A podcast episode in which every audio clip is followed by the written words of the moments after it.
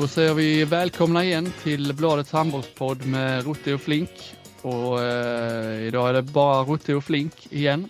Eh, dåligt internet i Småland. Men eh, det funkar ju bra senast Flink och jag tror det ska gå bra idag också. Hur eh, står det till i Sundets pärla? Ah, du, jag är inte i Sundets pärla. Jag är i eh, Smultron, vårt smultronställe. Jag är i poddstugan. Jaha, du är det. Mm. Ja, ja. Oh, du lät besviken. Ja, men jag tycker om att höra hur det är i Helsingborg. Okay. Fin stad. Ja, du är HIF-are va? Ja, jag är mindre och mindre, men jag får nog fortsatt kalla mig det. Mm. Ja, det är väl nu de behöver stödet. Men det är klart, du är en sån medgångs... Ja, ja. Jag, nej, jag har inte varit på Olympia på många år nu. Nej, jo, jag var där faktiskt i Superettan eh, någon gång där. Mm. Nej, de skulle ja. behöva mig nu, men jag, eh, jag är medgångssupporter. Ja, vad jag känner. Ja. ja, nej, jag är uppe i stugan och röjer lite här. Så att, mm. Men eh, trevligt med en eh, podd eh, däremellan, en inspelning. Ja, idag tänkte vi, det är ju landslagsuppehåll då, dessa liksom hopplösa stunder på eh, idrottssäsongerna. Om det så är fotboll eller handboll så är det ju, det är liksom tråkiga tider, det är aldrig några matcher. Det är en, en kväll och så spelas alla landskamper samtidigt, eh, speciellt i fotboll där då. Det finns liksom ingenting. På helgerna är det rätt gött att ha lite matcher igång. Men eh, så funkar inte nu. Men eh, det, vi, det vi har sett och det vi kommer att prata om är ju Tyskland, Sverige och vi kommer att prata lite om, eh, om svensk handboll också, ligaspel och så och så lite inför eh, damernas kommande mästerskap också såklart. Men, eh, och lite eh, axelskador. Ja just det, det har ja. du eh, puffat på för att vi skulle liksom få in. Nej men jag, ja, mm. jag tar mitt eh, public service ansvar där. Ja, jag ser fram emot det för jag vet inte alls var vi ska hamna där. Men eh, det blir nog intressant det också. Eh, vi spelar in fredag morgon här idag så att det är purfärskt. Och det beror ju på till stor del eh, på att vi har sett Tyskland-Sverige igår Flink. Så vi kan väl nästan... Och att Stocken eh, inte kunde spela in sent igår. Ja, just det. Eh, för då skulle han sova. Eh, och nu på morgonen så var det internetstrul. Och det var det ju faktiskt när jag och han spelade in själva med. Det var hopplöst så att eh, det känns nästan eh, bättre så här. För då hör vi varandra. Ja. Vi kan få lite flyt i samtalet. Ja, det vill vi inte vara med om förstår Det är ni, det ni var med om. Även om ni eh, löste det snyggt det hördes ju inte att det var så mycket strul när man lyssnar på avsnittet. Nej, det är tack vare mina klippkunskaper. Så är det. Mm. Tyskland-Sverige Flink, det var, jag tycker att det var en angenäm upplevelse att titta på. Om han nu får säga det fast du, du redan har skrivit det på Twitter. Så man får väl, man får väl tycka att det var kul. Ja, ja vi, för den oinvigde på, som inte är på Twitter där så, så var det ju att jag hade väl en spaning om den svenska bredden. Eh, då efter en eh, kvart när de bytte första linan mot andra linan på 9 meter och även på mittsex och så. Och så tog det väl två minuter senare så skrev du eh, i, i princip samma sak. Så då var jag tvungen att pika dig lite att det var en pigg spaning. Eh, men den eh, kunde gott eh, hamras in för man får väl lov att säga att det var väl eh, den stora kontentan av eh, gårdagen eh, att den svenska bredden är ju oerhört imponerande. Det, ja, för er som inte följde matchen, Sverige fick ju en liten tuff start där med Johannes Golla på mittsex i Tyskland som hade julafton. Eh, de gick fram till 7-4. Eh, och eh, jag vet inte vad det hade gått om 10 minuter eller någonting. Men sen, eller knappt 10 minuter tror jag. Sen så, eh, för det var ju mål, målfest, eh, ja hela matchen egentligen, men inte minst i början. Sen hämtade ju då eh, den svenska förstauppställningen in det där kan man säga. Så jag tror det var ungefär 10-10 eller någonting när, när de då bytte 3-4 man, eller hela niometerslinan. Ut med Karlsbogård, eh, Gottfridsson eh, och eh, nu står det stilla. Lagergren. Ja, Lagergren, Kristianstadsspelaren för detta. Eh, och eh, då in med Erik Johansson, Felix Klar och Lukas Sandell. Och eh, ja, det, det, hör man ju bara på namnen att det, att det är bra spelare det vet vi också. Eh, men det blev ju, eh, och, och, och, då bara fortsatte egentligen Sverige, ja, blev nästan ja, snäppet bättre. Eh, och gjorde en stark där, så 19-16 eh, i paus och eh, det här blir ett referat nu, men, men bara ändå för de som missade det igår. Och sen eh, i början på andra, ja då svarar ju första linan med att gå ut och, och göra 6-0 på fem minuter. Eh, eller i alla fall första linan på 9 meter. Men det var rätt mycket kontringar då också. Och eh, så Sverige ledde väl med 9 då alltså. Så att eh, till slut så blev det ju, ja, Tyskland kom ju aldrig närmare än fyra mål. Upp eller ner. Vad säger man nu där då, Robin? Jag säger att det var, du hade inte riktigt lika bra flyt i referatet som Per Karl på Radiosporten, men eh, ändå eh, klart godkänt. Ja. Men, men eh, är det, om man utgår från Tysklands då, när de, har, när de är fyra mål bakom. Jag lär mig aldrig det där. Är de, är de fyra mål upp eller är de fyra mål, fyra mål ner? De är, fyra, de är fyra mål ner. Sverige har fyra mål upp, säger man. Mm. Okay. Det är farligt nära sådana här nu, eh, eh, vilka siffror som ska stå först när man delar. I en bortaseger, ja. Eller, mm. ja, ja, ja, ja. Men de har ju samtidigt fyra, fyra mål upp till Sveriges. Eh, ja, du sett det i en mening. Det är då man, eh, det funkar väl på olika sätt beroende på vilken mening man har. Ja, ja, ja men just det här ner och upp. Eh, om man bara säger det så tycker jag det är svårt. Ja, ja, ja. ja. Ja, ja. Jag tänkte framförallt om, jag får liksom landa i en liten detalj som jag tycker är, som, det borde väl du som är handbollstränare kunna liksom utnyttja, eh, visa lite filmer och så.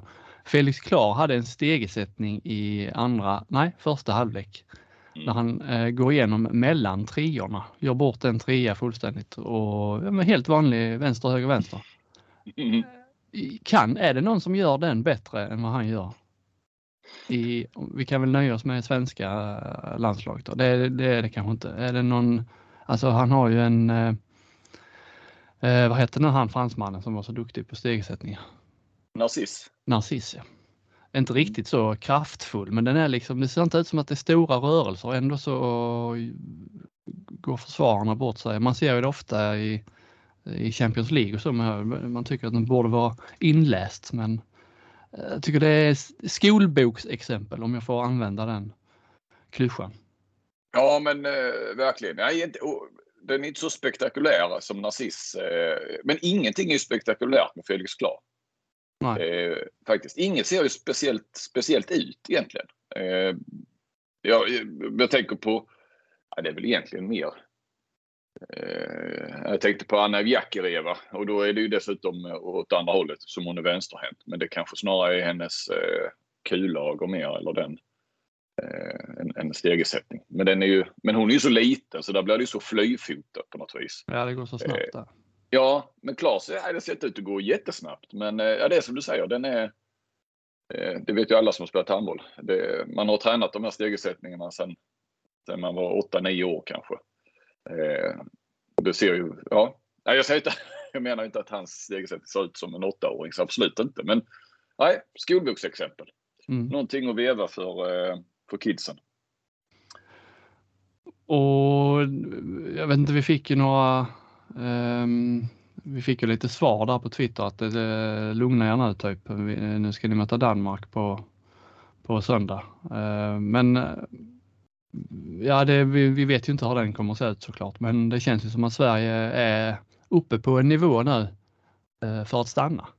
Ja, eh, jag håller med dig. Det är verkligen eh, Ja, men det känns också som att eh, här var ingen ringrostighet och de hade väl haft eh, två träningar.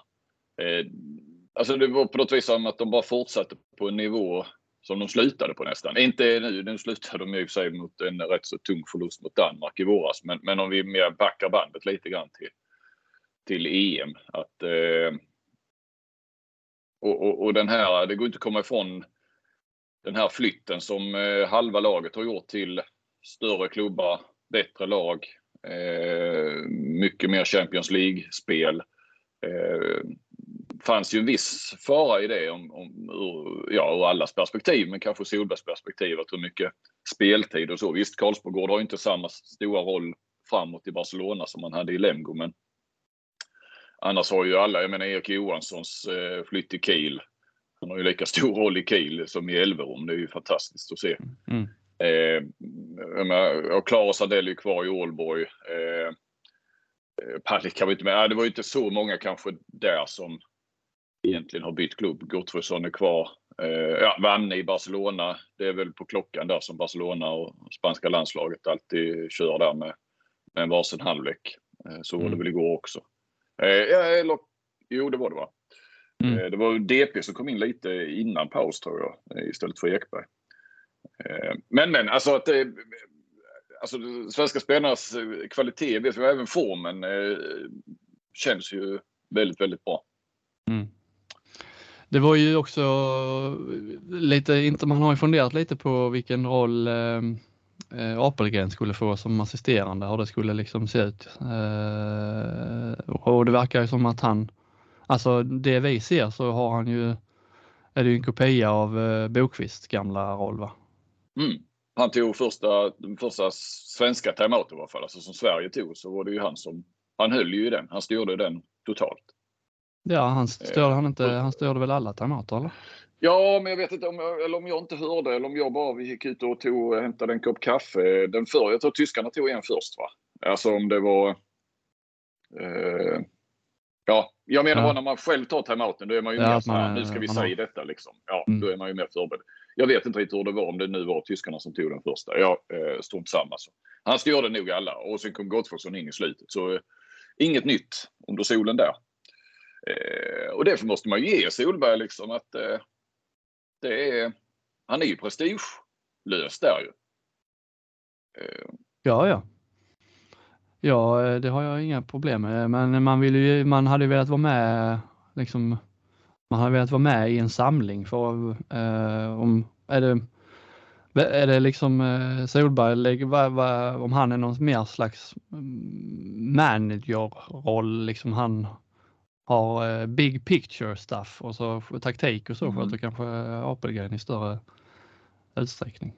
Ja, nej jag har inte satt mig in i det och nu har de ju bara haft ett par dagar här innan den här matchen så att eh, jag kan bara säga jag var på, på pressträff eh, i, i Göteborg i tisdags där så att eh, var ju hela eftermiddagen var ju hotellet i lobbyn och en, en våning upp där de också hade lite Eh, ja, det var fotograferingar och sånt där så att jag var någon trappa upp också. Då stötte jag på Apelgren där då i han stod och drog på sig någon landslagscoach eh, eh mm, overall där. Så sa ja, det var länge sedan du hade landslagskläder.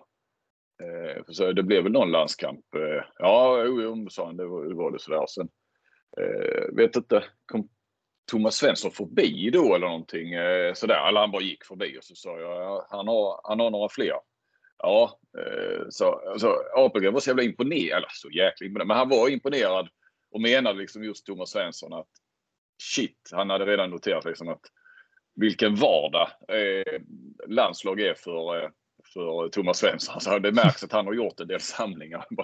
Börjar räkna på det så han är ju snart uppe i, i 40 år då i absoluta topphandbollen. Mm. Eh, visst, det var några år när han eh, Nej, men sen har han ju varit, han var ju, har ju varit med Danmark och Island, nästan konstant.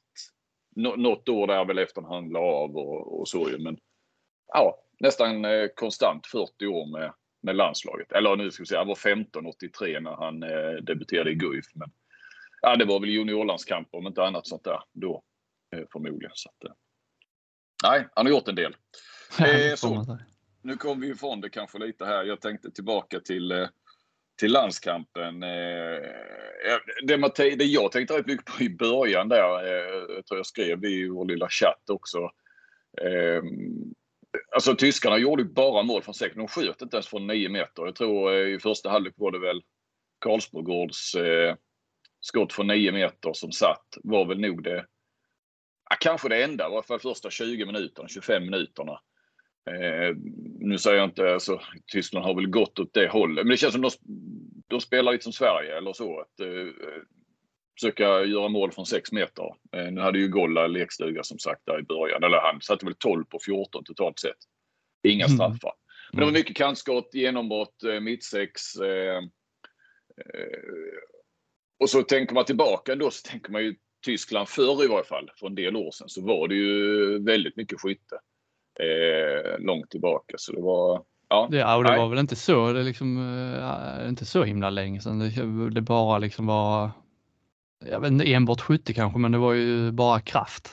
Ja, ja. Liksom, um, power, pang, boom, hej. Inte så mycket inte så mycket av de här berömda bollsläppen som är så himla viktigt eh, och försöka nöta ner försvaret, försvaren. Men det är Nej. ju, det är väl bara att, jag vet inte hur bra tyskarna är på att liksom anpassa sig efter trender generellt. Är de väl rätt så dåliga på det om man tittar samhällsmässigt. Men det är, det är väl bara så att ska man hänga med så, så mm. får man se till att göra det. Ja, och Sverige ligger ju väldigt, väldigt långt fram där. Alltså, det är ju bara att titta. Alltså när Lagergren, eh, fan, de var tvåa där mot honom. Alltså när han bara skickar, det är ju knappt så han rör bollen när han får den och skickar den vidare till Ekberg. I, första halvlek. Och det kan vara nästan bak, ja, det kan vara bakom ryggen, det kan vara i luften nästan att han gör det. Och samtidigt så har han ju ändå så pass bra kontroll att ja, skulle han få luckan så går han själv istället. Det, eh, Nej, det är rätt fint att vara kantspelare ja. Eh, när han spelar nio. Ja, ja verkligen. Um, det, vad, vad, säger vi? Jag gjorde ju en grej inför landskampen där om kampen om de sista platserna. För bland utespelarna så eh, det lär väl bli de här 15 eh, i, i VM. Han ska ju, det här är ju enda samlingen innan VM-truppen tas ut då i mitten på december. Eller vad? Mm. Och eh, de 15 tror jag. jag. Jag flaggade Felix Möller där kanske kunde eh, möjligtvis utmana Fredrik Pettersson, men jag undrar det. Eh, han var ju med som utvecklingsspelare. Nu såg jag att han flyttas över till ligalandslaget. Jag vet faktiskt inte om det var något återbud där på linjen som gjorde att han gick in där. Eh, Fredrik Pettersson kom ju, det ska man inte dra för stora växlar av, kom ju in före Bergendahl. Mm. Eh, och fick mer tid än Bergendahl i, i, i den här landskampen. Så att eh, Nej, utan det, det, står väl kanske då på, på eh, och det är i och med också, visst man måste ju dra gränsen någonstans, men nu när, när man kan ta ut 18 man också, 15 utespelare, så känns det som eh, Ja, hade det varit 16 nu då, då du kan inte åka med tre högernior tänker jag. Eh, och, och, kanske, ja, och tar du tre mittsexor som de flesta förbundskaptenerna vill ha så, så måste du kanske ta bort eh, ytterligare då någon spelare eller så. Men eh, 18 man nu, då, då, du kan fylla på bra på varje position. Du kan ha två, två på varje och, och ytterligare några extra. Eh, mm. och så är det ju målvakterna då. Ja, det är väl det enda liksom, frågetecknet då. Ja precis. Där, Appelgren skulle gjort comeback med en överbelastad axel. Gamla axeln som gör sig.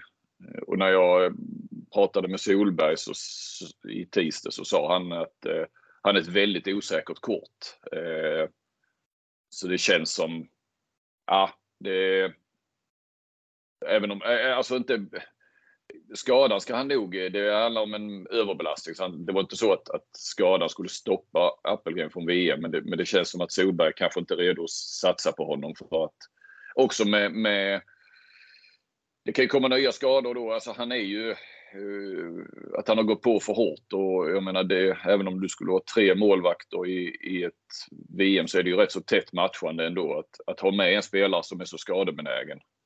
Eh, men hör, det är väl, eh, är det inte fritt blås med bytena där om, med, alltså med skador?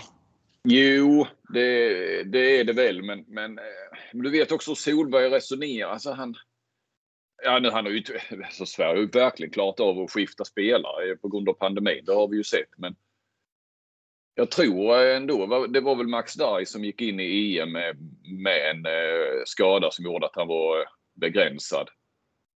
Eh, men annars känns det som att Solberg inte vill ha det här eh, osäkerheten kring spelare utan Nej. Det ska vara tydligt och klart och, och, man ska kunna räkna med alla. Men, men visst, och det är hemmaplan. Det är hur lätt som helst att ta in någon annan ju.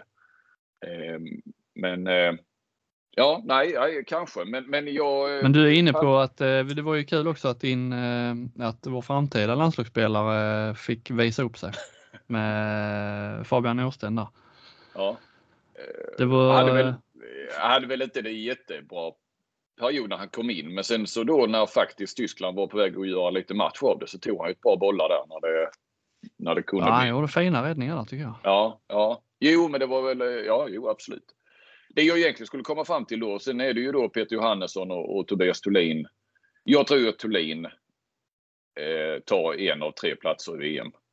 Eh, så känns det nu och efter att ha snackat med Solberg i tisdags också och det förtroendet Thulin nu fick. Alltså Thulin var ju den som kom in först av han och Johannesson efter mm. skadorna på Palicka och, och Appelgren. Norsten sa ju Solberg att han, vi vet ju vad Johannesson och Thulin går för. Eh, det är lite för att ge honom tid i landslaget och, och för framtiden. Så jag, ja, ja, det känns ju som att det står mellan Johannesson och Thulin, eller Johannesson och, och Norsten den sista. Men visst, Appelgren är ju, är ju med där också såklart. Den tredje platsen. Det var mest ja, och Palicka är ju, är ju en av de ja. platserna också. Kan vi ha ja, ja, ja, för, för protokollet. Ja, precis. Det var ju bara en liten, eh, alltså, ja, vilket skott så det sprack liksom i fingret där. Alltså, det var rätt så läskigt faktiskt. Men, men det, det är typ bara denna veckan han är borta. Något sånt. Han var ju tvungen att sy så då kan man ju inte mota bollar med den även. Nej.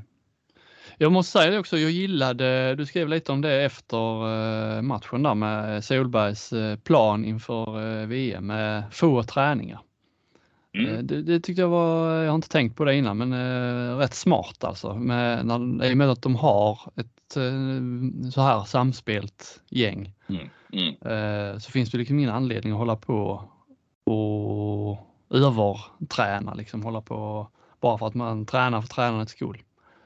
Kan man vara lite, liksom känna av läget där och spelarna är ju alltid, det är alltid mycket matcher. Mm. Eh, och att, så att de liksom blir eh, fräscha. Jag har inte tänkt på det alls men eh, det var när jag läste det så var ja, det var ju eh, rätt smart faktiskt. Mm. Dra ner på det just när man såg de andra eh, de andra landslagen också, att de tränar så mycket mer än vad Sverige kommer göra. Mm. Men hur är det med träningsmatcher? Där är några stycken där innan eller? Ja, två, två stycken, eh, så som väl de flesta har. Eh, Serbien va? Serbien var det nog jag läste. Mm. Ja. Eh, det är väl dubbellandskamp mot dem, det brukar vara sådana. Eh, så visst, eh, men de är ju på hemmaplan ju. Eh, Halmstad och Lund. Sverige kommer ligga i Halmstad först och sen innan de flyttar till Göteborg då inför VM. Men eh, det är inte så mycket resdagar på, på eh, de här samlingarna. Alltså det är ju bara ner till Tyskland nu. Eh, annars försvinner ju det också. Sådär. Men de, de väljer ju verkligen aktivt att hålla nere det. Och det ja, jag nämnde ju det där. Eh, dels så hyllar ju Solberg de här spelarna han har för att de är både jäkligt spelbegåvade och han har bara noterat att återigen då, eller den här gången, så hur snabbt de kommer in i landslagstänket när de ses direkt på första träningen. Och sen tror jag också att den här första eh, mästerskapet, han fick den uppladdningen som blev fullständigt söndertrasad inför Egypten-VM med, med pandemi, eller vad heter det, coronautbrottet i truppen där. Att, eh, de kom ju fram till det att eh, ja, men det gick ju ganska bra. Man kunde lösa en hel del i teorirummet. Det var ju då de inte fick träna tillsammans. Eh, och hur viktigt det var att, att kom, istället kom de jäkligt fräscha då ju, på det, förutom de som såklart hade corona, fast de var inte så sjuka heller. Men att, att ja, lägga tonvikt på det, att, att komma fräsch till. Och numera är ju, menar Sverige, det, det handlar ju inte om att ta sig vidare från ett inledande gruppspel utan för svensk del handlar det om de här 8-9 matcherna. Eh, ja, kvartsfinal väl som sämst och, och annars så, så, ska man ju gå hela vägen och spela minst en bronsmatch. Mm. Då behöver man vara fräsch, fräscha. Ja. Och eh, bra med en bra bredd då. Eh, Två världsklassuppställningar.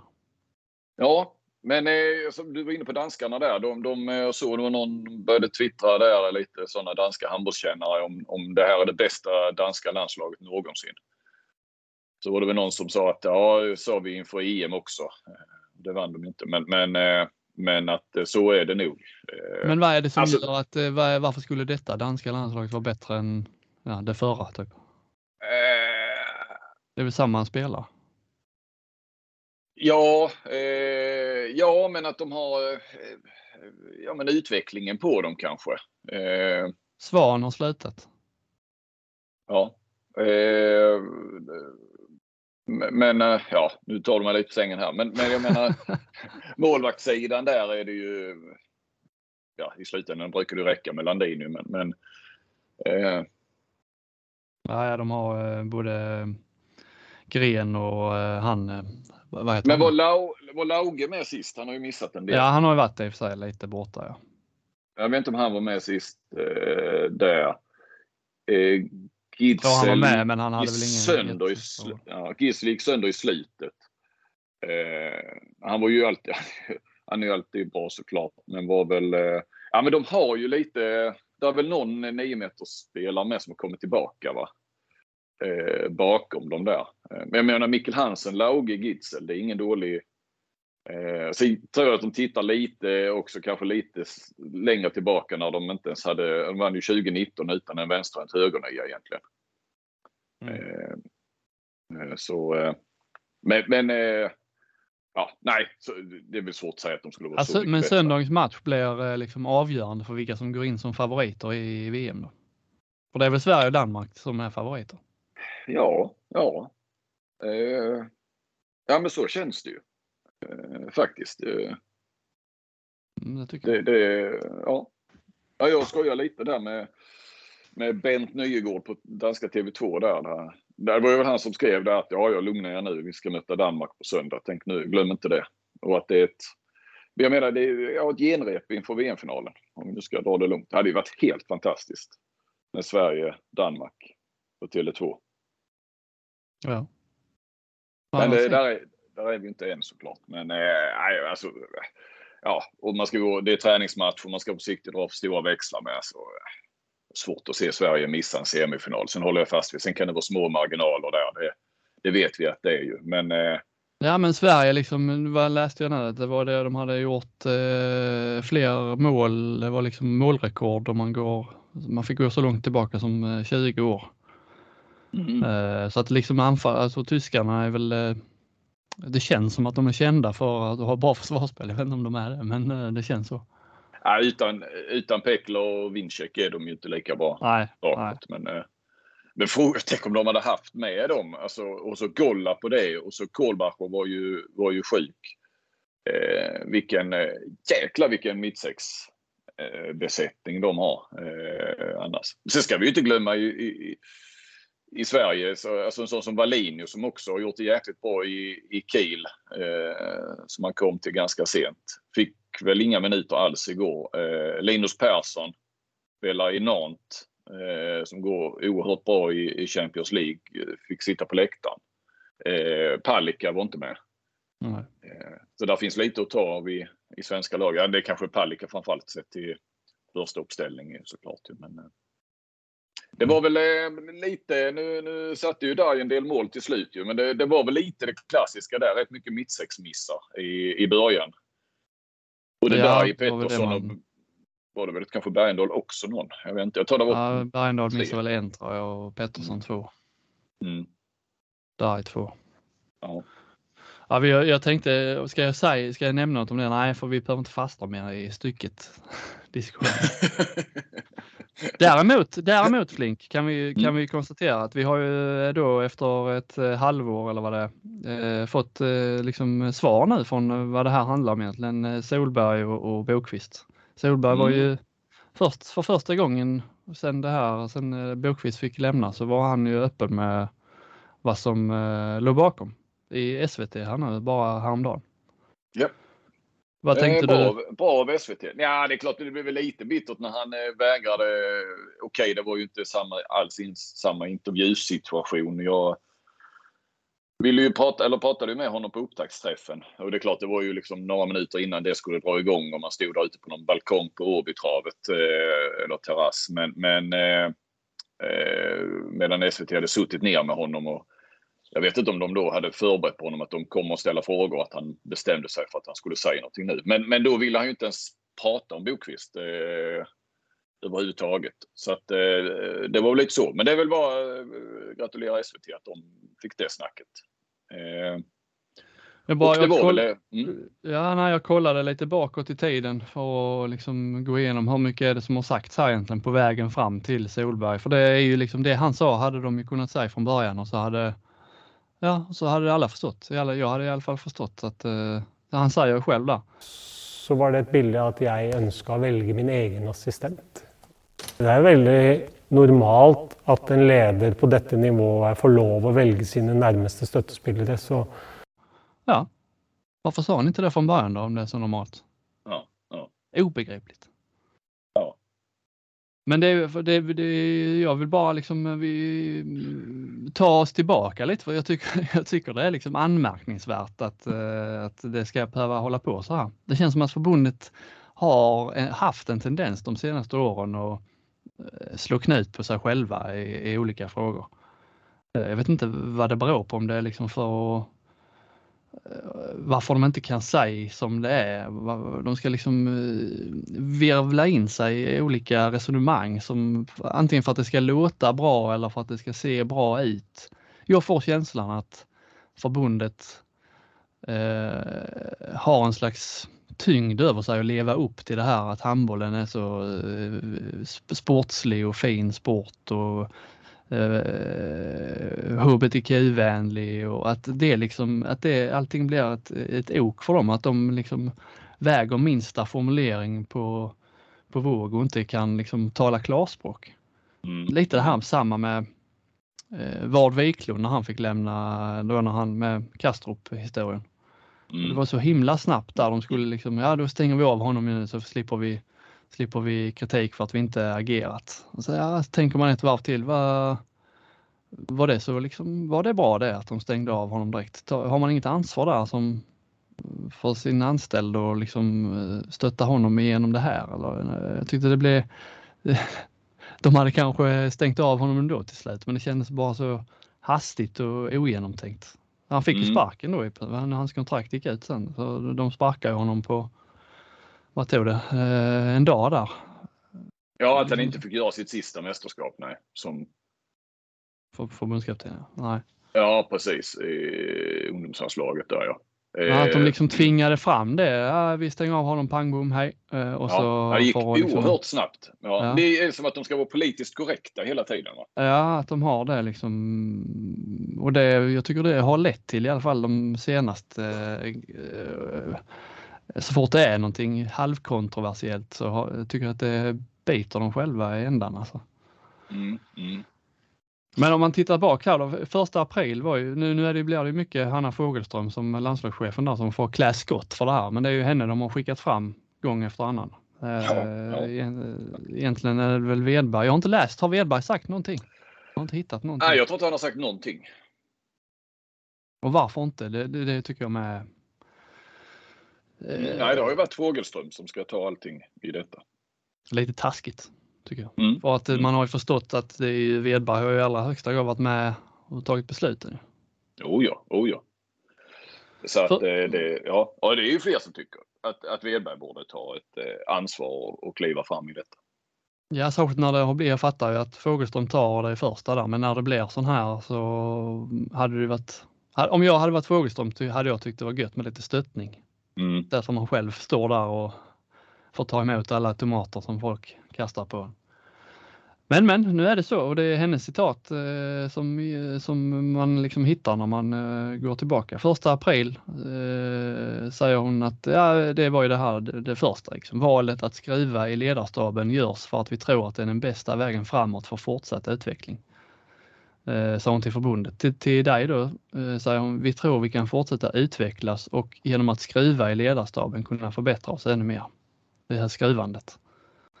Eh, och du frågar där, eh, jag tror det var du, eh, är det Glenn som vill ha en annan assistent? Det är samma där, det är vårt beslut. Vi har haft en utvärdering med spelarna och ledarna. Summan av helheten gör att det är vi som vill ha den här förändringen. Summan av helheten Flink. ja, Klara besked. ja. Och så den 5 april, några dagar senare, eh, frågar Expressen. Vad är det för håll ni vill gå åt? Det är helheten. Dels på samlingarna men också mellan samlingarna. För att optimera ledarteamet och se till att både individer och verksamheten kan fortsätta ta nästa steg, utvecklas ännu mer och etablera sig i världstoppen. Det är som jag sagt tidigare, det är förbundet som tagit beslutet om helheten. Det är inte en enskild sakfråga för en individ, utan vi har tagit beslutet utifrån helheten. Det är, det är mycket helheter. Mm, mm. Mycket som är uppe och virvlar i luften. Det finns liksom ingenting att ta på där. Eh, Och sen 3 juni eh, har det gått någon månad. Eh, Bokvist talar ut i Sportbladet. Hanna Fogelström får svara dig på Bokvists kritik. Du frågar henne, Bokvist säger att han fick gå för att Glenn Solberg inte ville ha honom kvar och att allt annat är rent skitsnack. Är det så? Nej, det är inte så. Det är inget som har ändrats från vårt håll nu för att Martin valt att säga någonting. Det är fortfarande helheten som jag har pratat om hela tiden. Det är inte en detalj som lett till beslutet. Vi tror på en annan väg framåt. Om, så frågar du då om Solberg eh, uttryckligen hade velat ha kvar Bokvist, hade ni tagit samma beslut då eller hade hans åsikt i frågan ingen betydelse alls? Och nu kommer det Flink. Beslutet är taget utifrån ett helhetsperspektiv. Och så frågar du, och då har det inte handlat någonting om att Solberg vill ha någon annan som sin assisterande. Jag kommer som sagt inte gå in på några, detaljer om vad som sades på mötet. Beslutet är taget på helheten och den vägen vi tror på framåt. Glasklart. Och så kommer då Solberg nu. Med sina, med, med liksom det svaret som man har velat ha hela tiden. Och jag har egentligen inte så mycket, jag kollade lite Solberg gamla citat, så han har liksom inte, inte, inte så, eh, jag har ändå förståelse för det han har sagt tidigare. Han är ju trots allt Aha. Eh, anställd av liksom. Ja, han, han sa ju redan då första april till mig tror jag. Någonting om, eh, utan att du kanske har det där. Att, ja, jag har, jag har, ja, jag har inte exakt vad han sa men jag vet vad du menar. Att han, han var ju inne på Han fick att, inte välja sin, sin assisterande. Nej, nej. Och han tycker det ska bli eh, kul eller skönt eller vad det var han mm. sa. Ja precis. Så han är ju inne på det där ju. Eh, ja, det känns som att han snarare också har varit lite bakbunden av vad ja, förbundet det, har velat kommunicera. Det har ju snackats om någon sorts sekretess också. Men det, och personalärende och sådär. Men, men ja, och, och det har väl Fogelström Ja, det sa ju Fogelström till, ja det sa Fogelström faktiskt till radion där 18 juni. Eh, vi kan eh, bara höra kort. Mm. Jo, men jag har ju förståelse för att folk tycker olika i sakfrågan. Eh, men vi har ju tagit ett beslut på en helhet och vi har en ömsesidig sekretess med Martin som han då har valt att inte hålla, men den vill vi hålla. Och för vår del så har det med helheten och mycket fler saker som ligger till grund än det som han i det här fallet har, har valt att uttala sig om. Då. Det här, jag har respekt för, för alla inblandade parter och inte minst kanske Martin då och även Glenn. Eh, samtidigt så vi är öppna för att ha dialog och vill de prata så, så finns vi här och pratar med dem också. Men det är mellan oss och inte mellan oss och de som är intresserade av handboll i Sverige. Ja, och då nämner hon ju sekretess. Och att Bokvist bröt mot den. Vad nu det skulle... Men de har liksom vevat in sig för de har, jag vet att Fogelström har varit ute och sagt, jag både här i radion var hon inne på det, och att det här, är, det här är någonting mellan eh, förbundet och, och Martin och förbundet och Solberg. Det är ingenting som de som tycker om handboll har med att göra. Jag tycker det låter liksom, mm. det låter lite fel det där med att de som gillar handboll inte har någonting att göra med vad som försiggår i, i handbollsförbundet. Ja, det, den var, då är man, li, det, är man lite på ja. hal is Ja, för att det är, det är faktiskt ett förbund. Ja. Eh, och förbundskapten och eh, liksom, det är ju någonstans en folkrörelsen och allt hur långt vi ska dra det. Va? Det är ju, det är ju ändå, det, förbundet är ju handbollssverige. Det är ju hela ja. handbollssverige. Ja eller landslaget är ju en, en eh, verkligen en, ett, ett, vad ska man säga, ett ärende ja, men, för hela Ja, ja, förbundet liksom, eh, vilka har rösträtt och så. Ja, det är ju de olika distrikten, vilka, vilka ingår i distrikten. Ja, det är ju eh, de på golvet ju. Mm. Alltså, mm. du, du kommer ju ner till det. Ja. Om man vill dra det så långt. Eh, det var, eh, det var en sammanfattning av eh, någonting som har pågått sedan 1 april och som väl någonstans fick sitt bokslut då, då med, med Solbergs eh, kommentarer till, eller Solbergs intervju med, med SVT. Mm. Eh, och det måste ju vara skönt att få det bokslutet för Solberg om inte annat. Men, men sen är det ju alltså, det här har de ju alltså då inte kunnat säga till Bokvist. Nej. De har fortfarande inte kunnat säga det till Bokvist detta, det vet jag. För, för det hade ju inte varit så kontroversiellt. Nej, nej. Nej, och jag tror vi har varit inne på det tidigare. Alltså, att inte säga som det är. Ja, Bokvist besviken. Hade kanske gett någon intervju att han var väldigt besviken. Kunde inte förstå när det har gått så bra. Eh, och eh, sen så tror jag man, ja, det hade ju blåst över på en dag eller två och sen hade man ju gått vidare. Nu har det blivit ett halvår istället.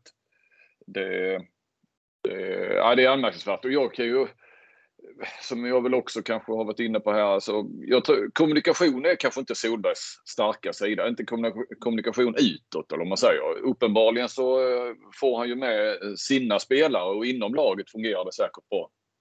Eh, ja, det tyckte inte Bokvist såklart. men, men, men spelarna och sånt har ju inte klagat på att när jag frågar dem så, eh, alltså mer allmänt hur Bokvist är, eller hur Solberg är, så är det ju väldigt att det är rakt och tydligt och, och sådana mm. saker. Men, men eh, kommunikation gentemot eh, petade spelare till exempel, eller ratade spelare om man ska säga. Som sagt, som stycket väl, som säger sig heller aldrig ha fått någon förklaring. Och det är klart, alltså, en förbundskapten kan ju inte springa runt och, och, och, förklara varför den eller den. Jag menar, då kan det komma någon eh, eh andra mittsexa Alingsås och, och, och, ställa krav på varför han inte är med. Men, men stycket är ju ändå liksom, han är ju på den nivån och han har varit med tidigare och han skulle varit med i början och sen helt plötsligt så inte. Det, jag tycker han kan ha rätt att få en, en tydlig förklaring. Och det säger han sig i varje fall inte ha fått. Och jag har inte hört eh, Solberg, jag har pratat om stycket många gånger med honom, han har aldrig sagt att någonting så här, det här har jag, det, det, vet Andreas eller det har jag berättat för honom eller jag har gett honom min förklaring och den stannar oss emellan från min sida eller någonting sånt här.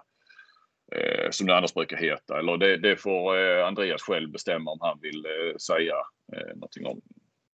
Det har man ju aldrig hört. Så att, men fine, Solberg är uppenbarligen en, en, på många sätt jäkligt bra förbundskapten. Det visar ju resultaten och, och eh, den lojalitet också som, som spelarna visar. Så det är ju, nu ska jag, jag ska försöka knyta ihop det här och komma tillbaka till det jag ska säga. Men, men eh, alltså det är ju, alla är ju med ju.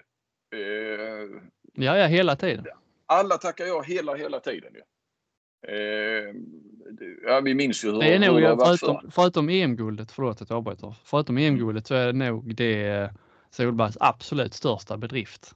För det är ju det man ja. har suttit och varit så trött på eh, de tidigare åren med spelare som är hej och hå fram och tillbaka och in och ut ur landslaget och tackar nej och tackar ja. Och, det, det, det, det ska han hyllas för. Ja, verkligen. Alltså det, det lagbygget är ju verkligen imponerande.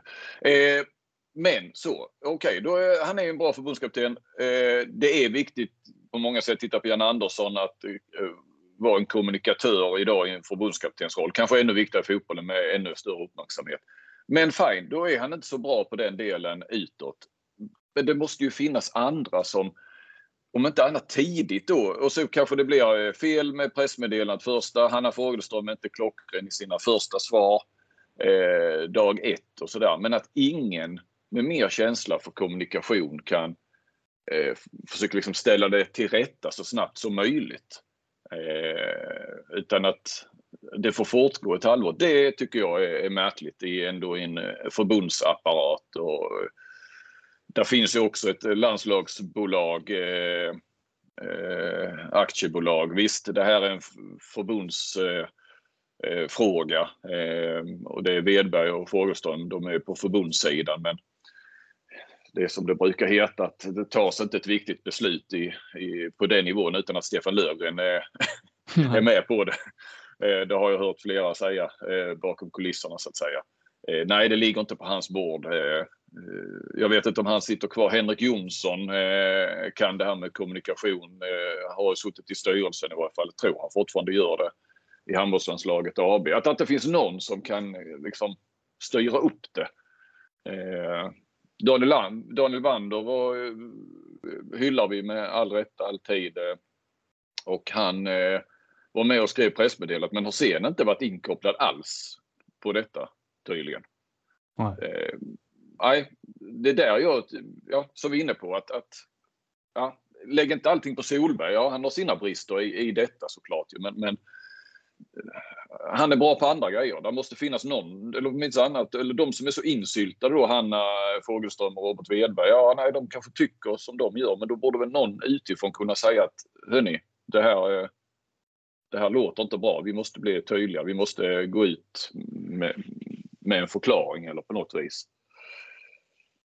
Ja, nej, ja, det, även om eh, handbollen inte är lika stor eller bevakas lika hårt som fotboll och hockey gör så eh, det vet man ju, eller det borde de ju veta, de som sitter på högsta positioner att sånt här liksom, eh, det försvinner inte bara för att man upprepar, det blir, upprepar samma mantra om helheter hela tiden utan det blir ju bara det kommer fortsätta ställas frågor tills det kommer någon slags besked och under den tiden blir allting bara märkligare och märkligare. Mm. Tills nu. Ja. Eh, men det var väl en lämplig tidpunkt om inte annat eh, för Solberg att få göra ett bokslut och eh, gå vidare då nu när de liksom nu när det är fokus mot, mot hemma-VM. Ja. Nej, det var, om det var genomtänkt så var det smart. Verkligen. Ska vi röra oss vidare? Ja, det kan vi göra.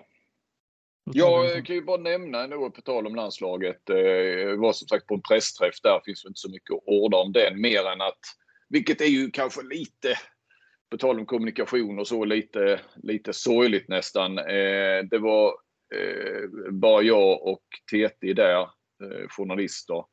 Eh, Jag vet inte eh, vad Wander var ju på plats där och sa om eh, SVT.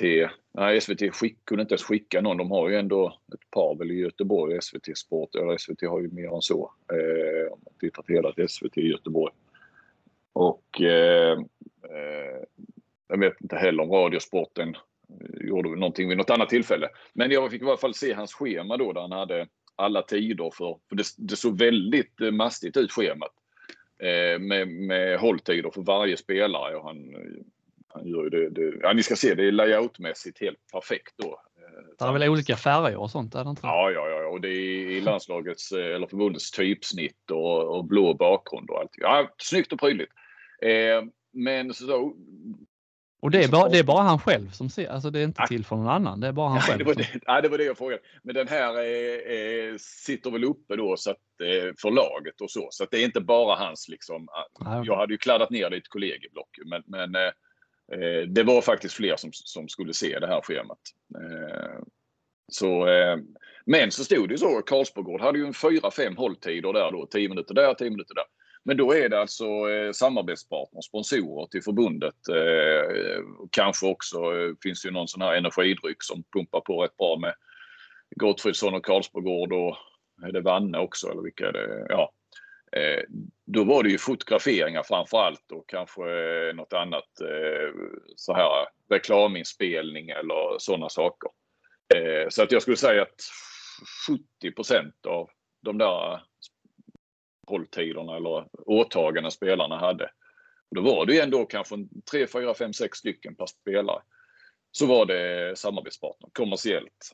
Eh, Mm. Det var ju också eh, såklart Viaplay körde ju sin eh, sån här, de gör ju sina efter inför VM redan nu med sån här med green screen och Mm.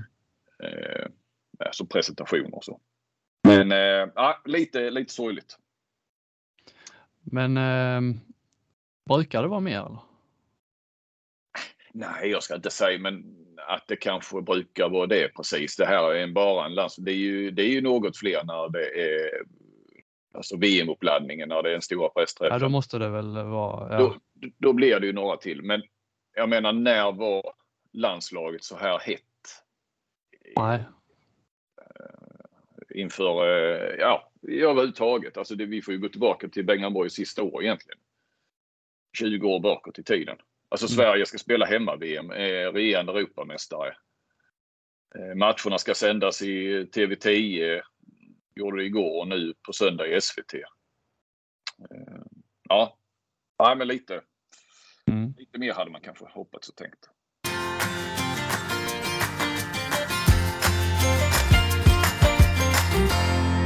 Jag har hamnat lite i, eh, ja man kan väl kalla det sociala medier. Jag har skaffat ett TikTok-konto.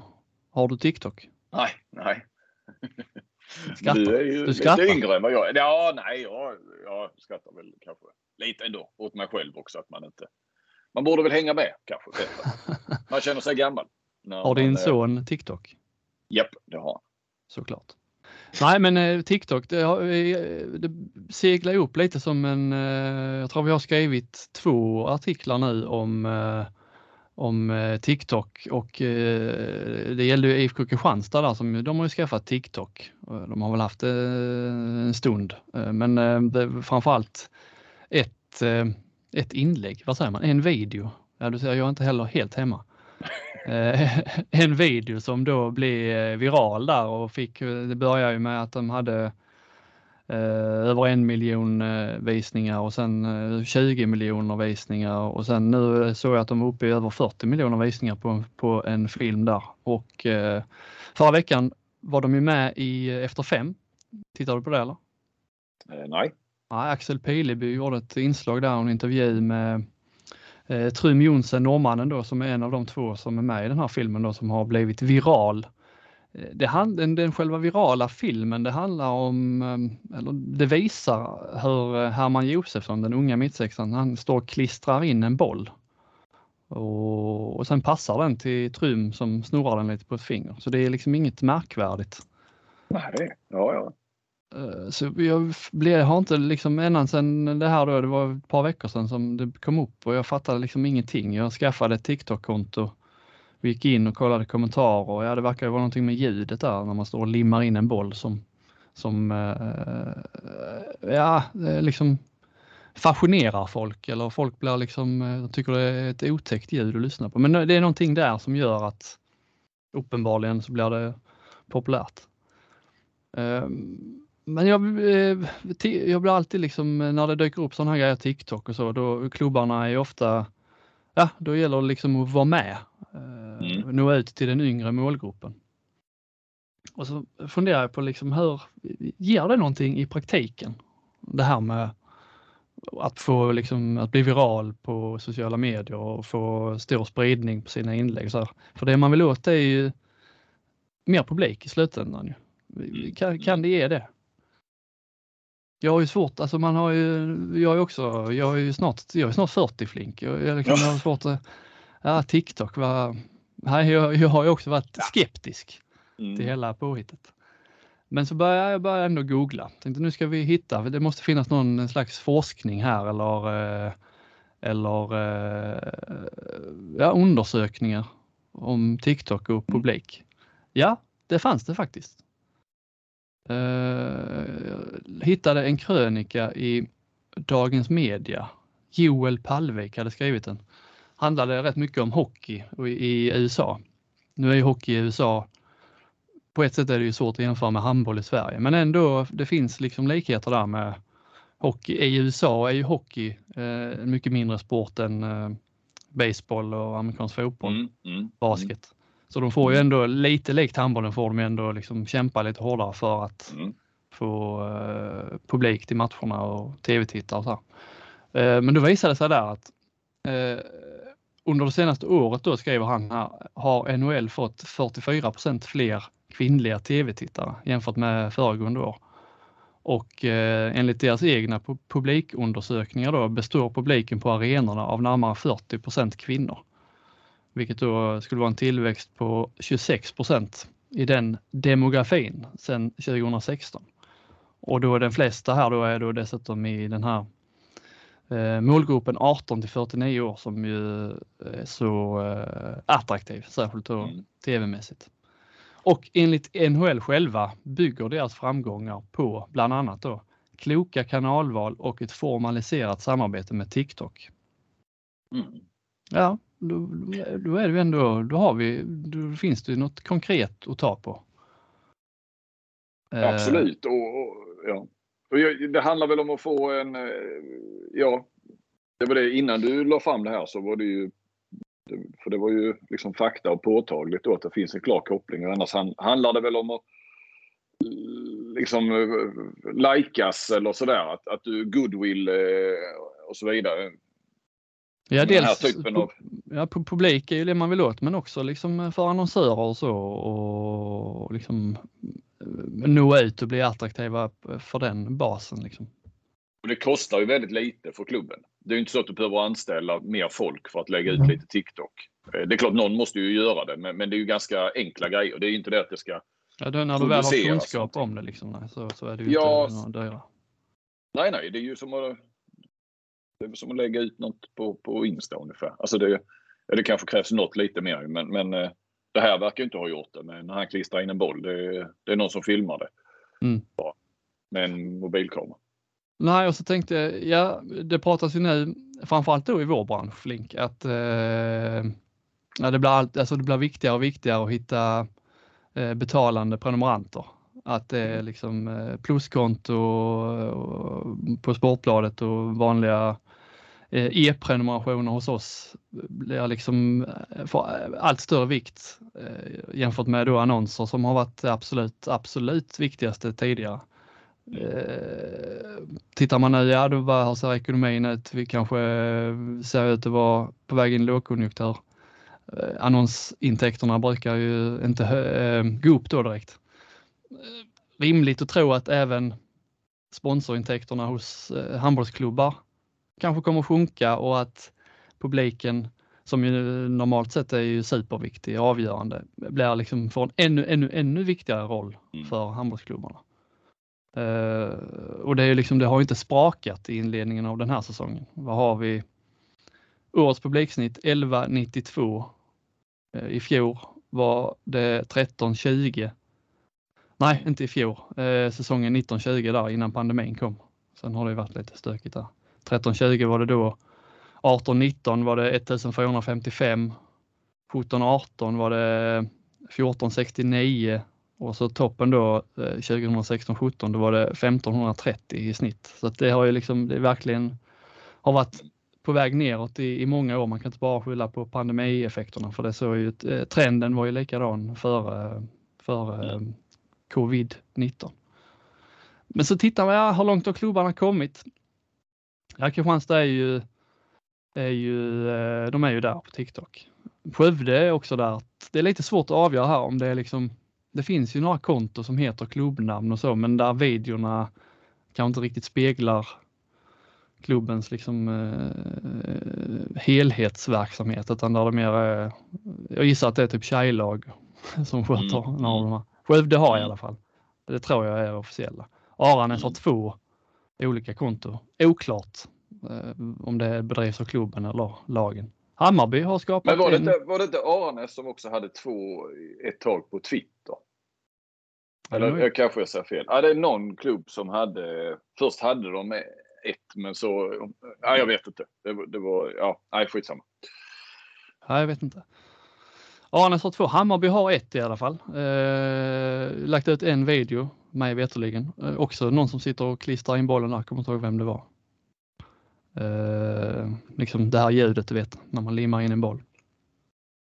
Ja, inte ja, fått så många visningar än. Men kom den efter i Kristianstad då? Det var lite som din, eh, din spaning igår. Twitter. Ja, jag, jag, jag, jag, jag svär in, inte någonting där. Jag, det har jag inte kollat. Sävehof har också ett sådär uppdateringar där. Det var mycket med Partille Cup och så. In, invigningar. Men de har i alla fall. Det, är allt. Frågar jag eh, eh, Rasmus Boysen, har det stått till i Danmark? Eh, de, Danmark får ju mycket cred i Sverige nu för tiden. Mm. Eh, De slog ju ut, det har vi inte pratat om, men det blev ju inget Europaspel för Kristianstad eller Sävehof. Men Kristianstad åkte ut mot Skanderborg. Trist. Mm. Dåligt för svensk handboll, Flink. Ja, ja, ja, absolut. Det är ju rankingpoäng och allt. Jag vet.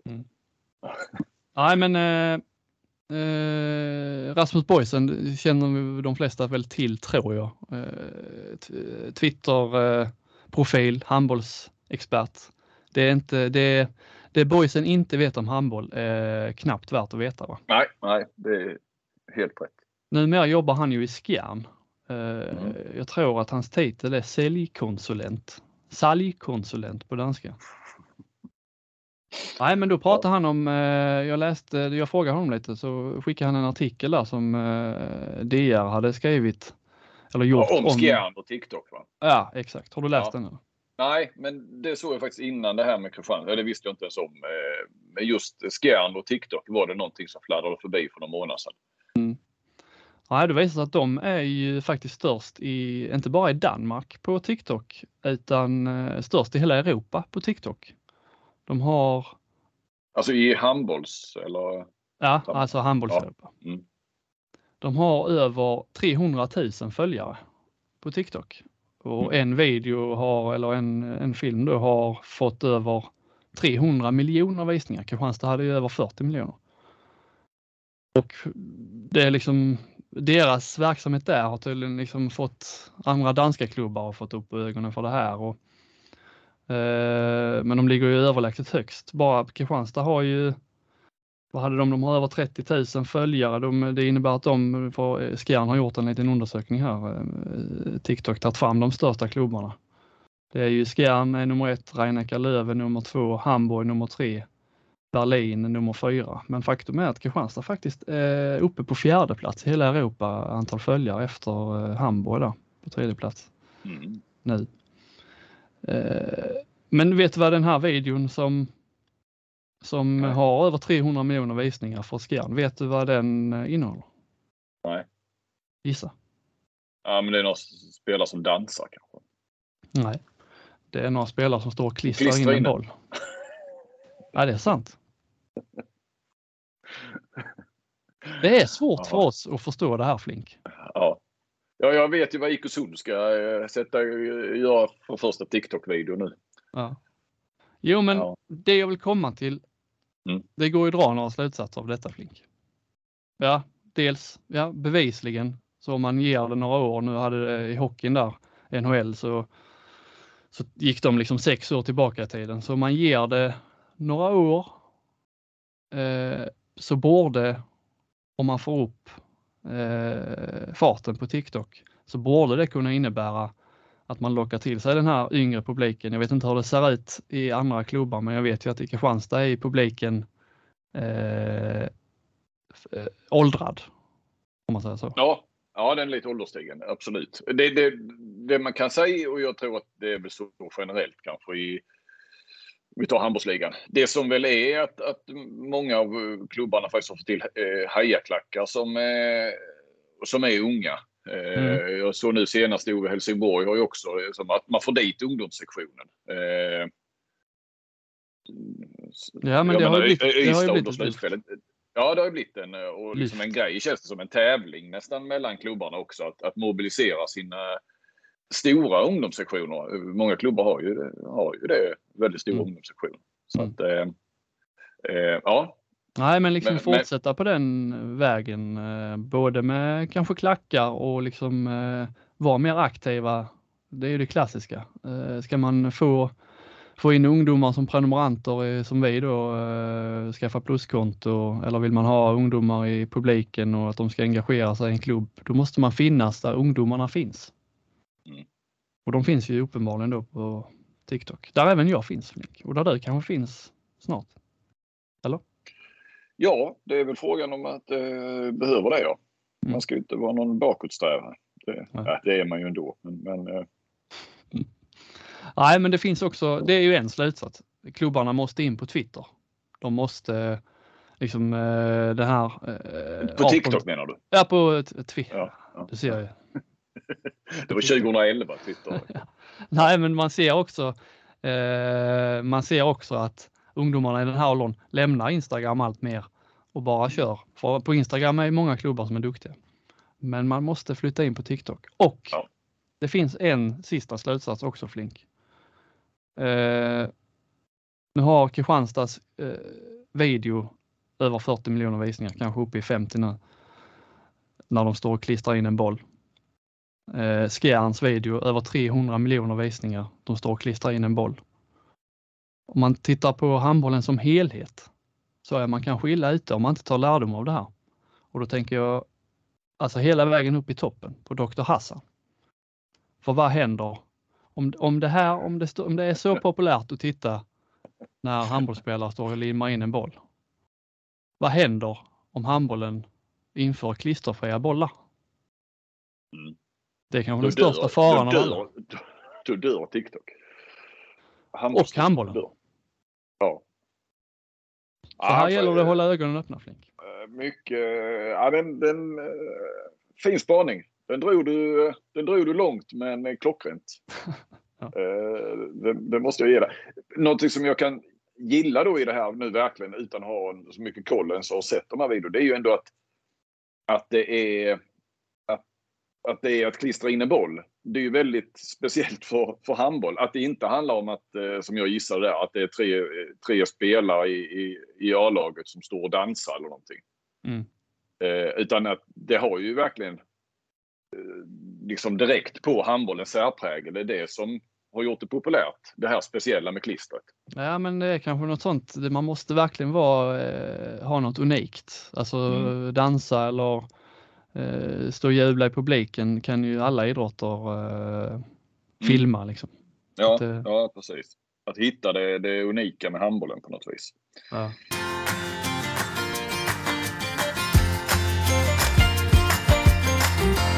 Ska vi röra oss vidare, kanske lite tillbaka till landslaget då? Eh, Fast den här gången på damsidan.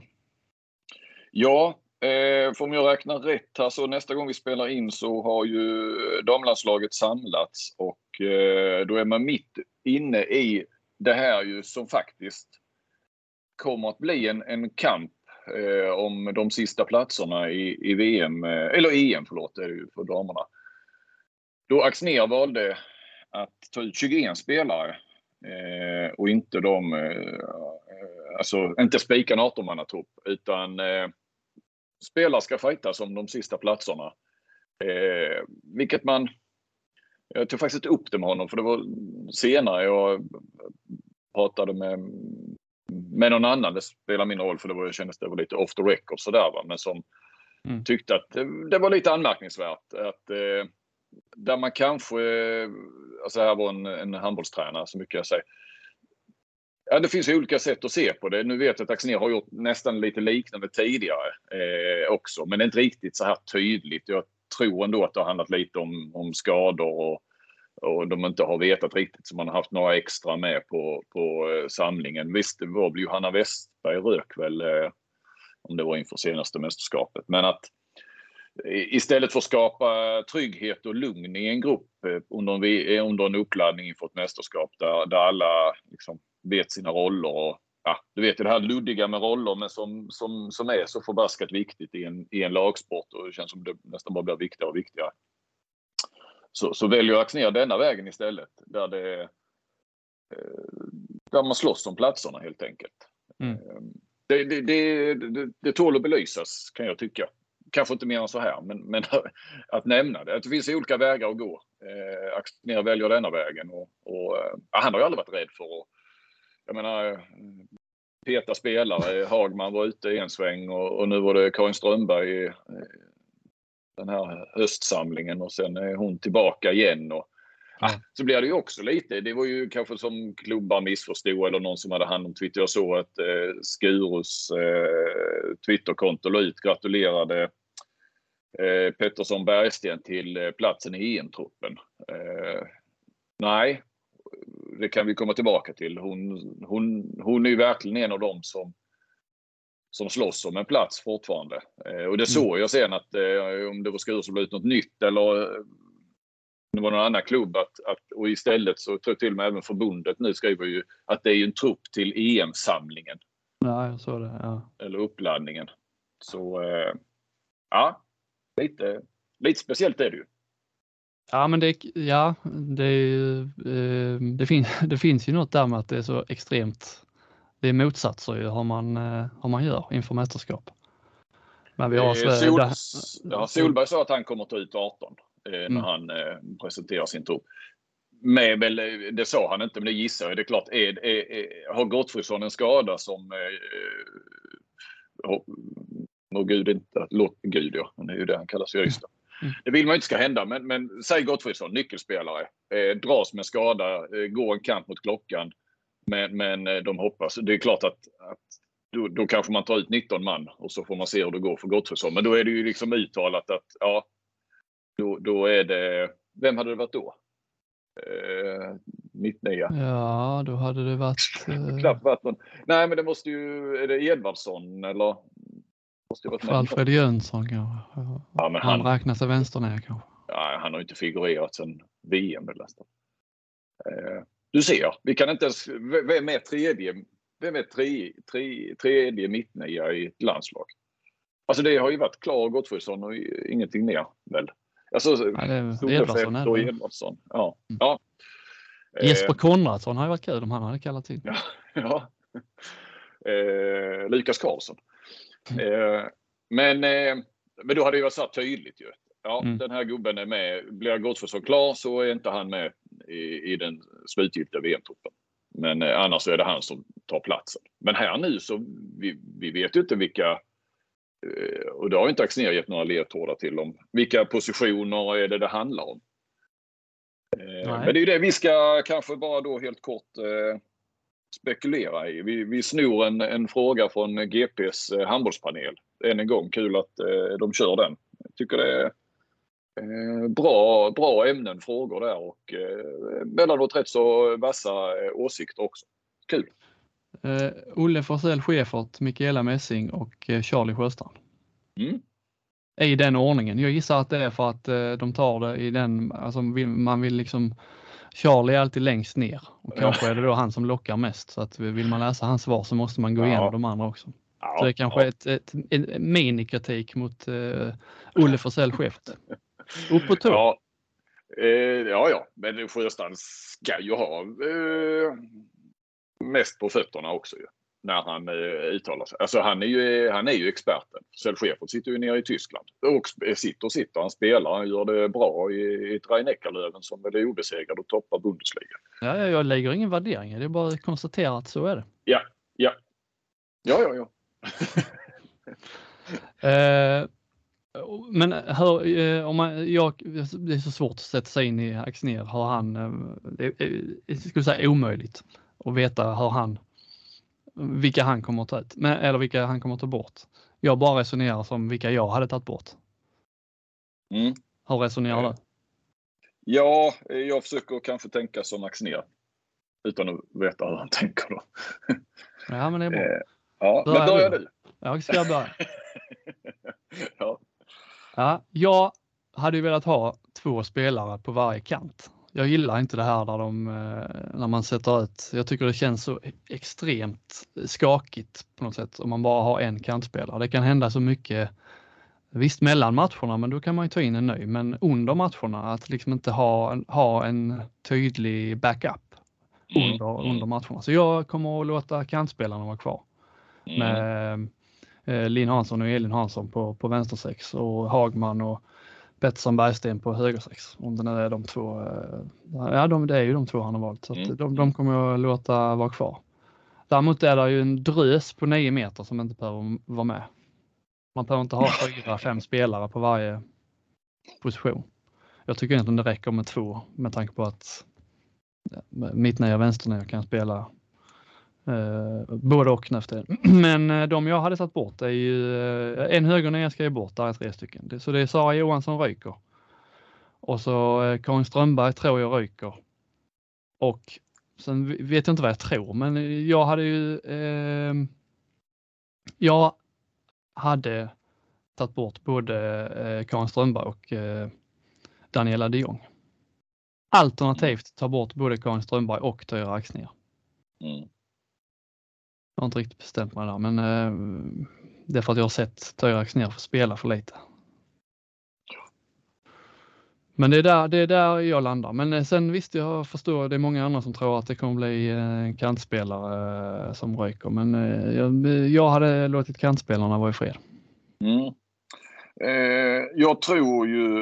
Får jag bara säga, Jag tror- bara säga ja, för Emma. Lindqvist och Jenny Karlsson är givna. Jag menar Roberts, Petrén och Thorleifsdotter tror jag är givna med, med sina Mm. liksom, olika egenskaper där.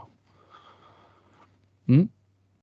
Eh, ja, eh, jag tror ju att Bergsten, eh, Pettersson Bergsten, Per- jag tänker Pettersson Berger, du vet den gamla kompositören. Så fort jag ska skriva så, eh, så är jag på väg att skriva Pettersson Berger. Men det är Pettersson Bergsten. Mm. Eh, tror jag ryker. Det var lite eh, sådär när, jag var på plats när Axnér presenterade sin trupp så, så lät det lite lät lite så. Och eh, att då tror jag att Sara Johansson stannar kvar som att vara den där eh, som kan gå ner på, på högersex faktiskt. På Eh, Kopangs bekostnad då? Nej, eller så har du ju kvar Kupang, Johansson, Dano. Ja, ja men vad eller? Du, du ska ju välja här nu. Ja, ja men Bergsten ryker. Det är en. Mm. Mm. Ja. Får komma. ja, ja, Eh, ja, jag tycker detta är jättesvårt. Eh, jag, jag, jag tror ju att Linn Hansson eh, får, eh, blir kvar därför att fram till faktiskt kanske för två år sedan så, så var det väl så här, Jamina Roberts kan ju alltid gå ut på vänstersex. Eh, det kan hon inte längre. Eh, hon måste spela vänsternio och när hon inte gör det så ska hon vilas. Eh, så, så, det är ju inte, därför jag, jag tror Linn Hansson faktiskt får åka med. Eh, men kommer inte få någon stor roll. Eh, ja, jag, och sen, eh, ja, jag håller med Strömberg eller de Jong. Eh, eller så, du hör, eller kanske Kopangen då eh, för att kunna använda, alltså Emma Lindqvist kan ju fortfarande spela högernia även om vi är många som vill se henne som mittnia. Och skulle man bara köra henne som mittnia håller jag med dig. Lindqvist och Karlsson mittnia. Och, och Strömberg, de Jong bort då. Men, eh, nej, men det, samtidigt, du kan ju inte ha fyra vänsternior plus Emma Lindqvist som kan gå där också. Du har inte tänkt klart? Nej, nej, nej, men du ser hur svårt det är. nej, jag, jag har så svårt att bestämma mig. Eh, jag säger då, okej, okay, jag säger, jag måste ju säga någonting. Jag säger Bergsten. Kupang. De Jong. Fast vad fan, då är det ju Mm. fyra vänsternior då. Ja, då har han Ja, gått ja, tre ja. stycken på två där. Vad sa, vad sa Charlie Sjöstrand? Det är väl det som är det viktiga. alltså, eh, Sara Johansson, de Jong, Pettersson, Bergsten. Mm. Alltså Vad sa, vad sa Forsell Schäfert? Ja, det är inte så viktigt. Ja, han sa faktiskt samma. eh, Ja, men då, då, vi har ju tre olika spelare då kan man säga. Om jag, eh, ja, de Jong kanske vi har samma. Mm. mm. Och jag har helgarderat mig ändå. Typ. Ja, nej. det var jag som tyckte att vi skulle ha denna frågan. men, eh, ja, men där ser vi också hur svårt det är. Där ser vi också, eh, som sagt, eh, vi var inne på det, och jämföra med det här tydliga då att man tar med en extra för att det är någon som är, är, är liksom skadad och osäker. Och då, då är det väldigt tydligt. Alltså här, det, vi, vi snackar ju om fyra, fem olika positioner egentligen. Mm. Eller nästan alla positioner. Ja, Det är väl mittsex och målvakt vi inte rör i detta.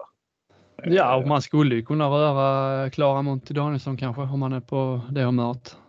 Ja, Så men jag tror att han åker med... De, de Ja, det gör han väl, men man en- man, man vet. Och hon är mer bakåt eh, då, eh, användbar där. Liksom backup. Det är ju så de fungerar, de där förbundskaptenerna. Mm.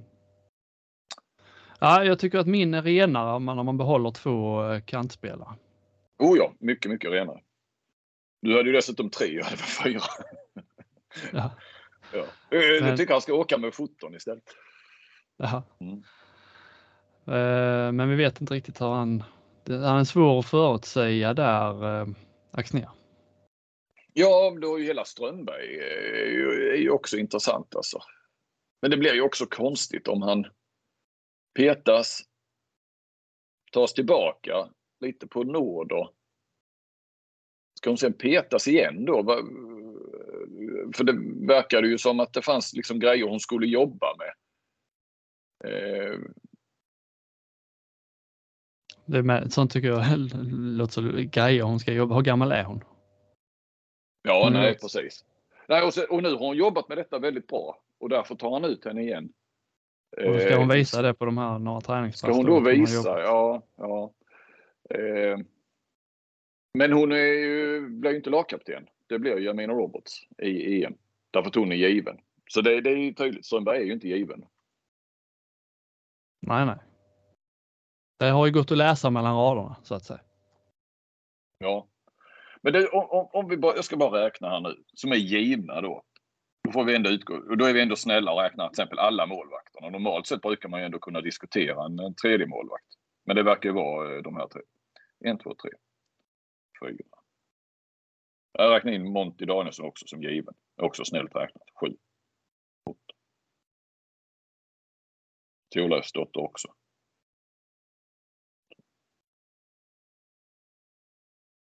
Det hade varit bra nu om du kom fram till 18 givna spelare för då hade du löst dig själv.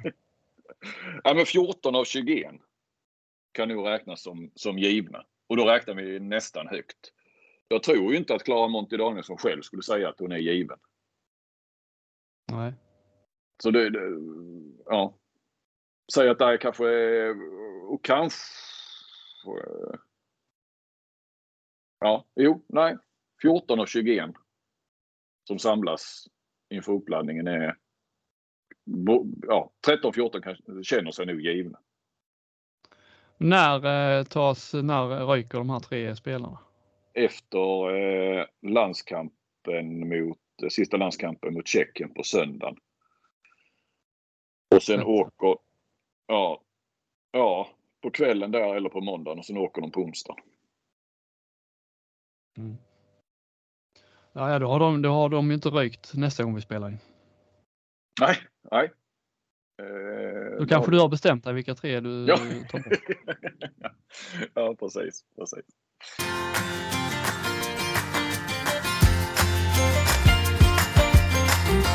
Och så till eh, avsnittets sista punkt här så eh, eh, har jag, eh, vi ska snacka lite kort om axelskador eh, och axelkontroll. Eh, jag tror ni som är inom handbollen så där, som ledare, tränare, spelare känner ju till det här med knäkontroll vilket eh, det har pratats om i, i, flera år för att förebygga knäskador. Det, det finns ju forskning på som visar hur, hur, eh, hur viktigt och bra det är för att undvika knä, knäskador.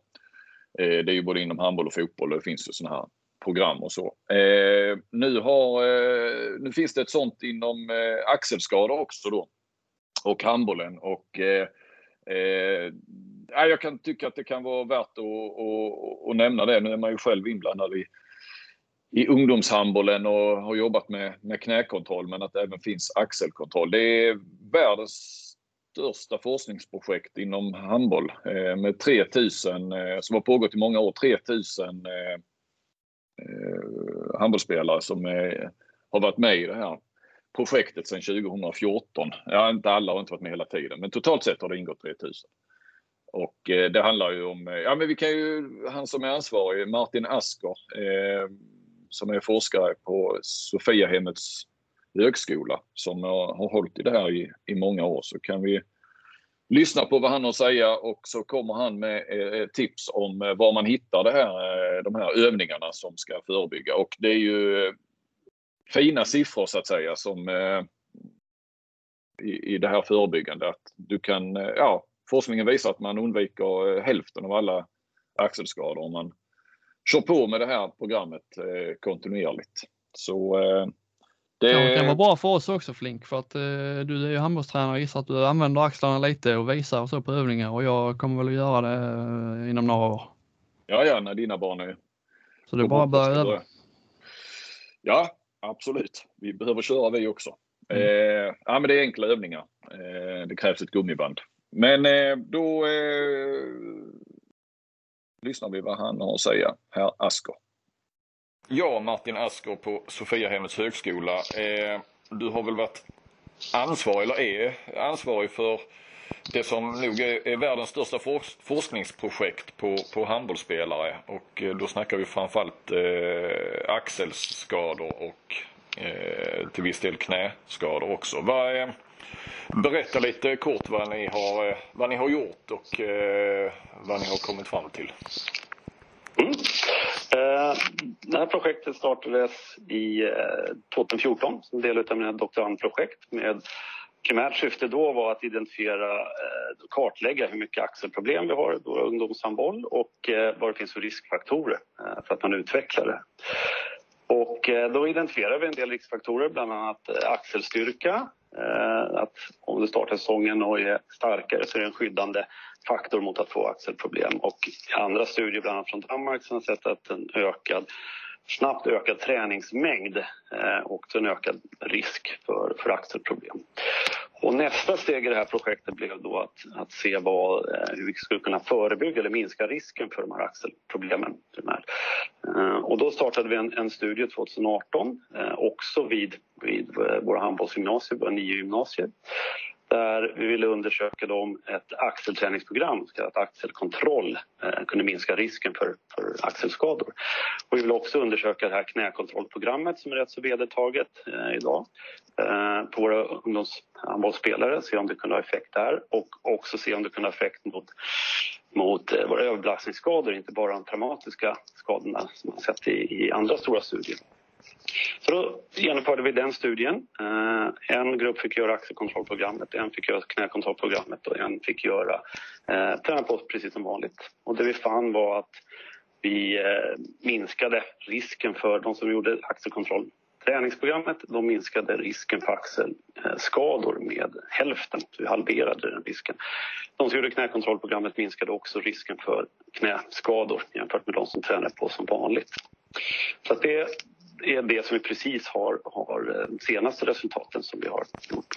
Sen fortsätter de här projekten, eh, eller projekten rullar på så att vi... Hallå? Hallå? Hallå? Se nu. Det är dels... Förlåt Martin, du, du försvann där men är, vi, vi klipper ihop det. Eh, du försvann och du skulle börja på den eh, tredje delen. Eh, okay. Du sa någonting, det rullar på där, därifrån. Ja. Japp, kör igen.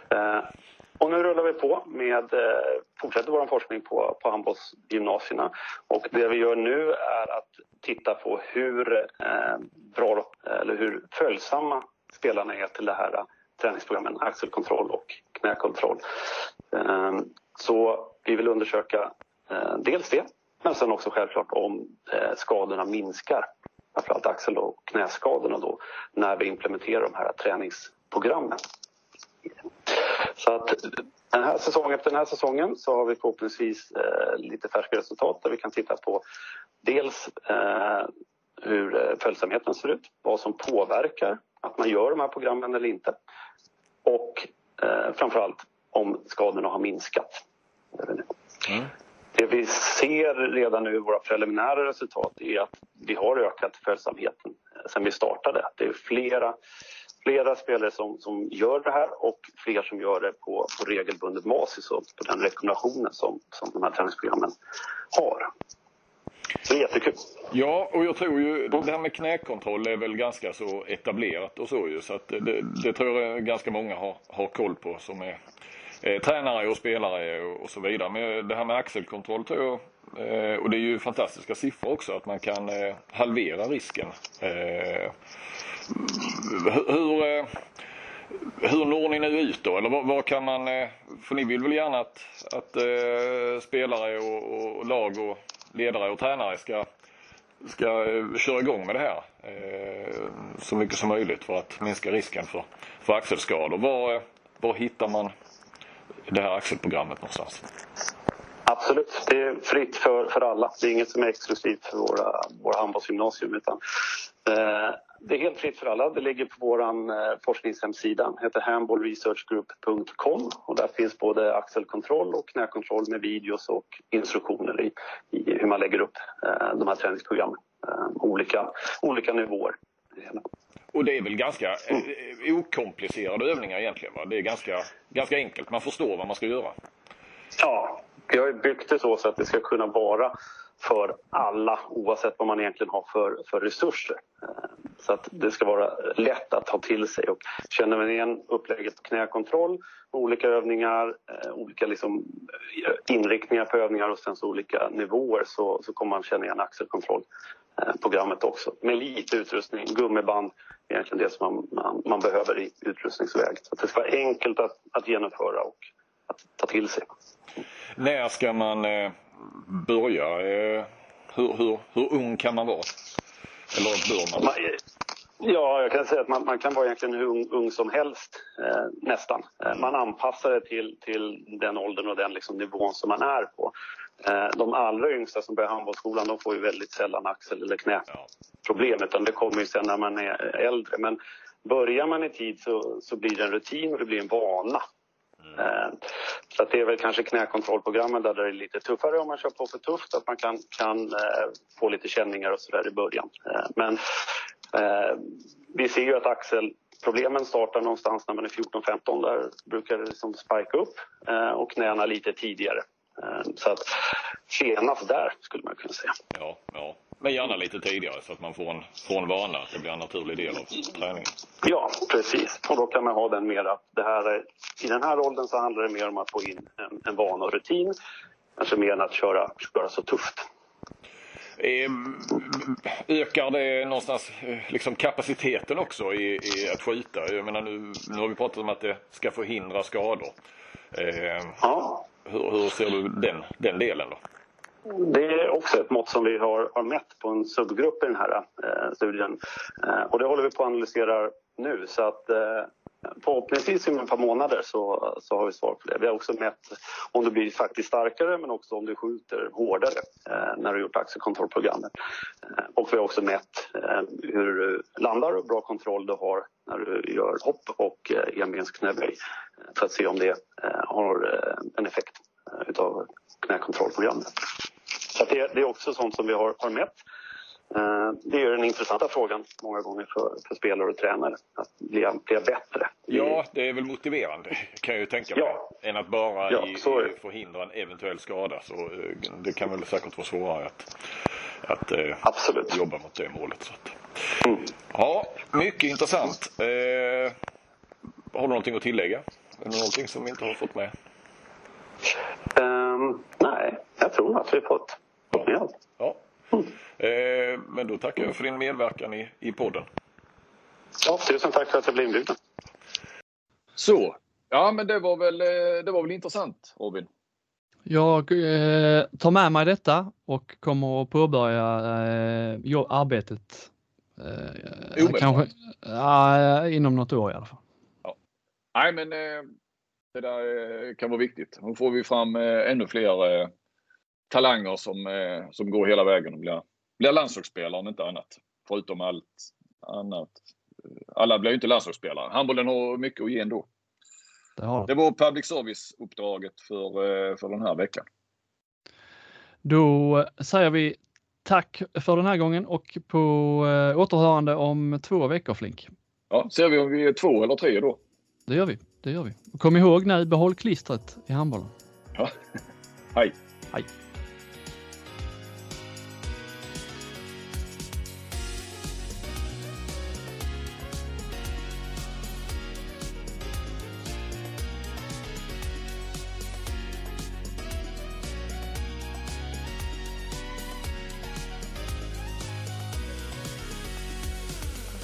Du har lyssnat på en podcast från Aftonbladet. Ansvarig utgivare är Lena K Samuelsson.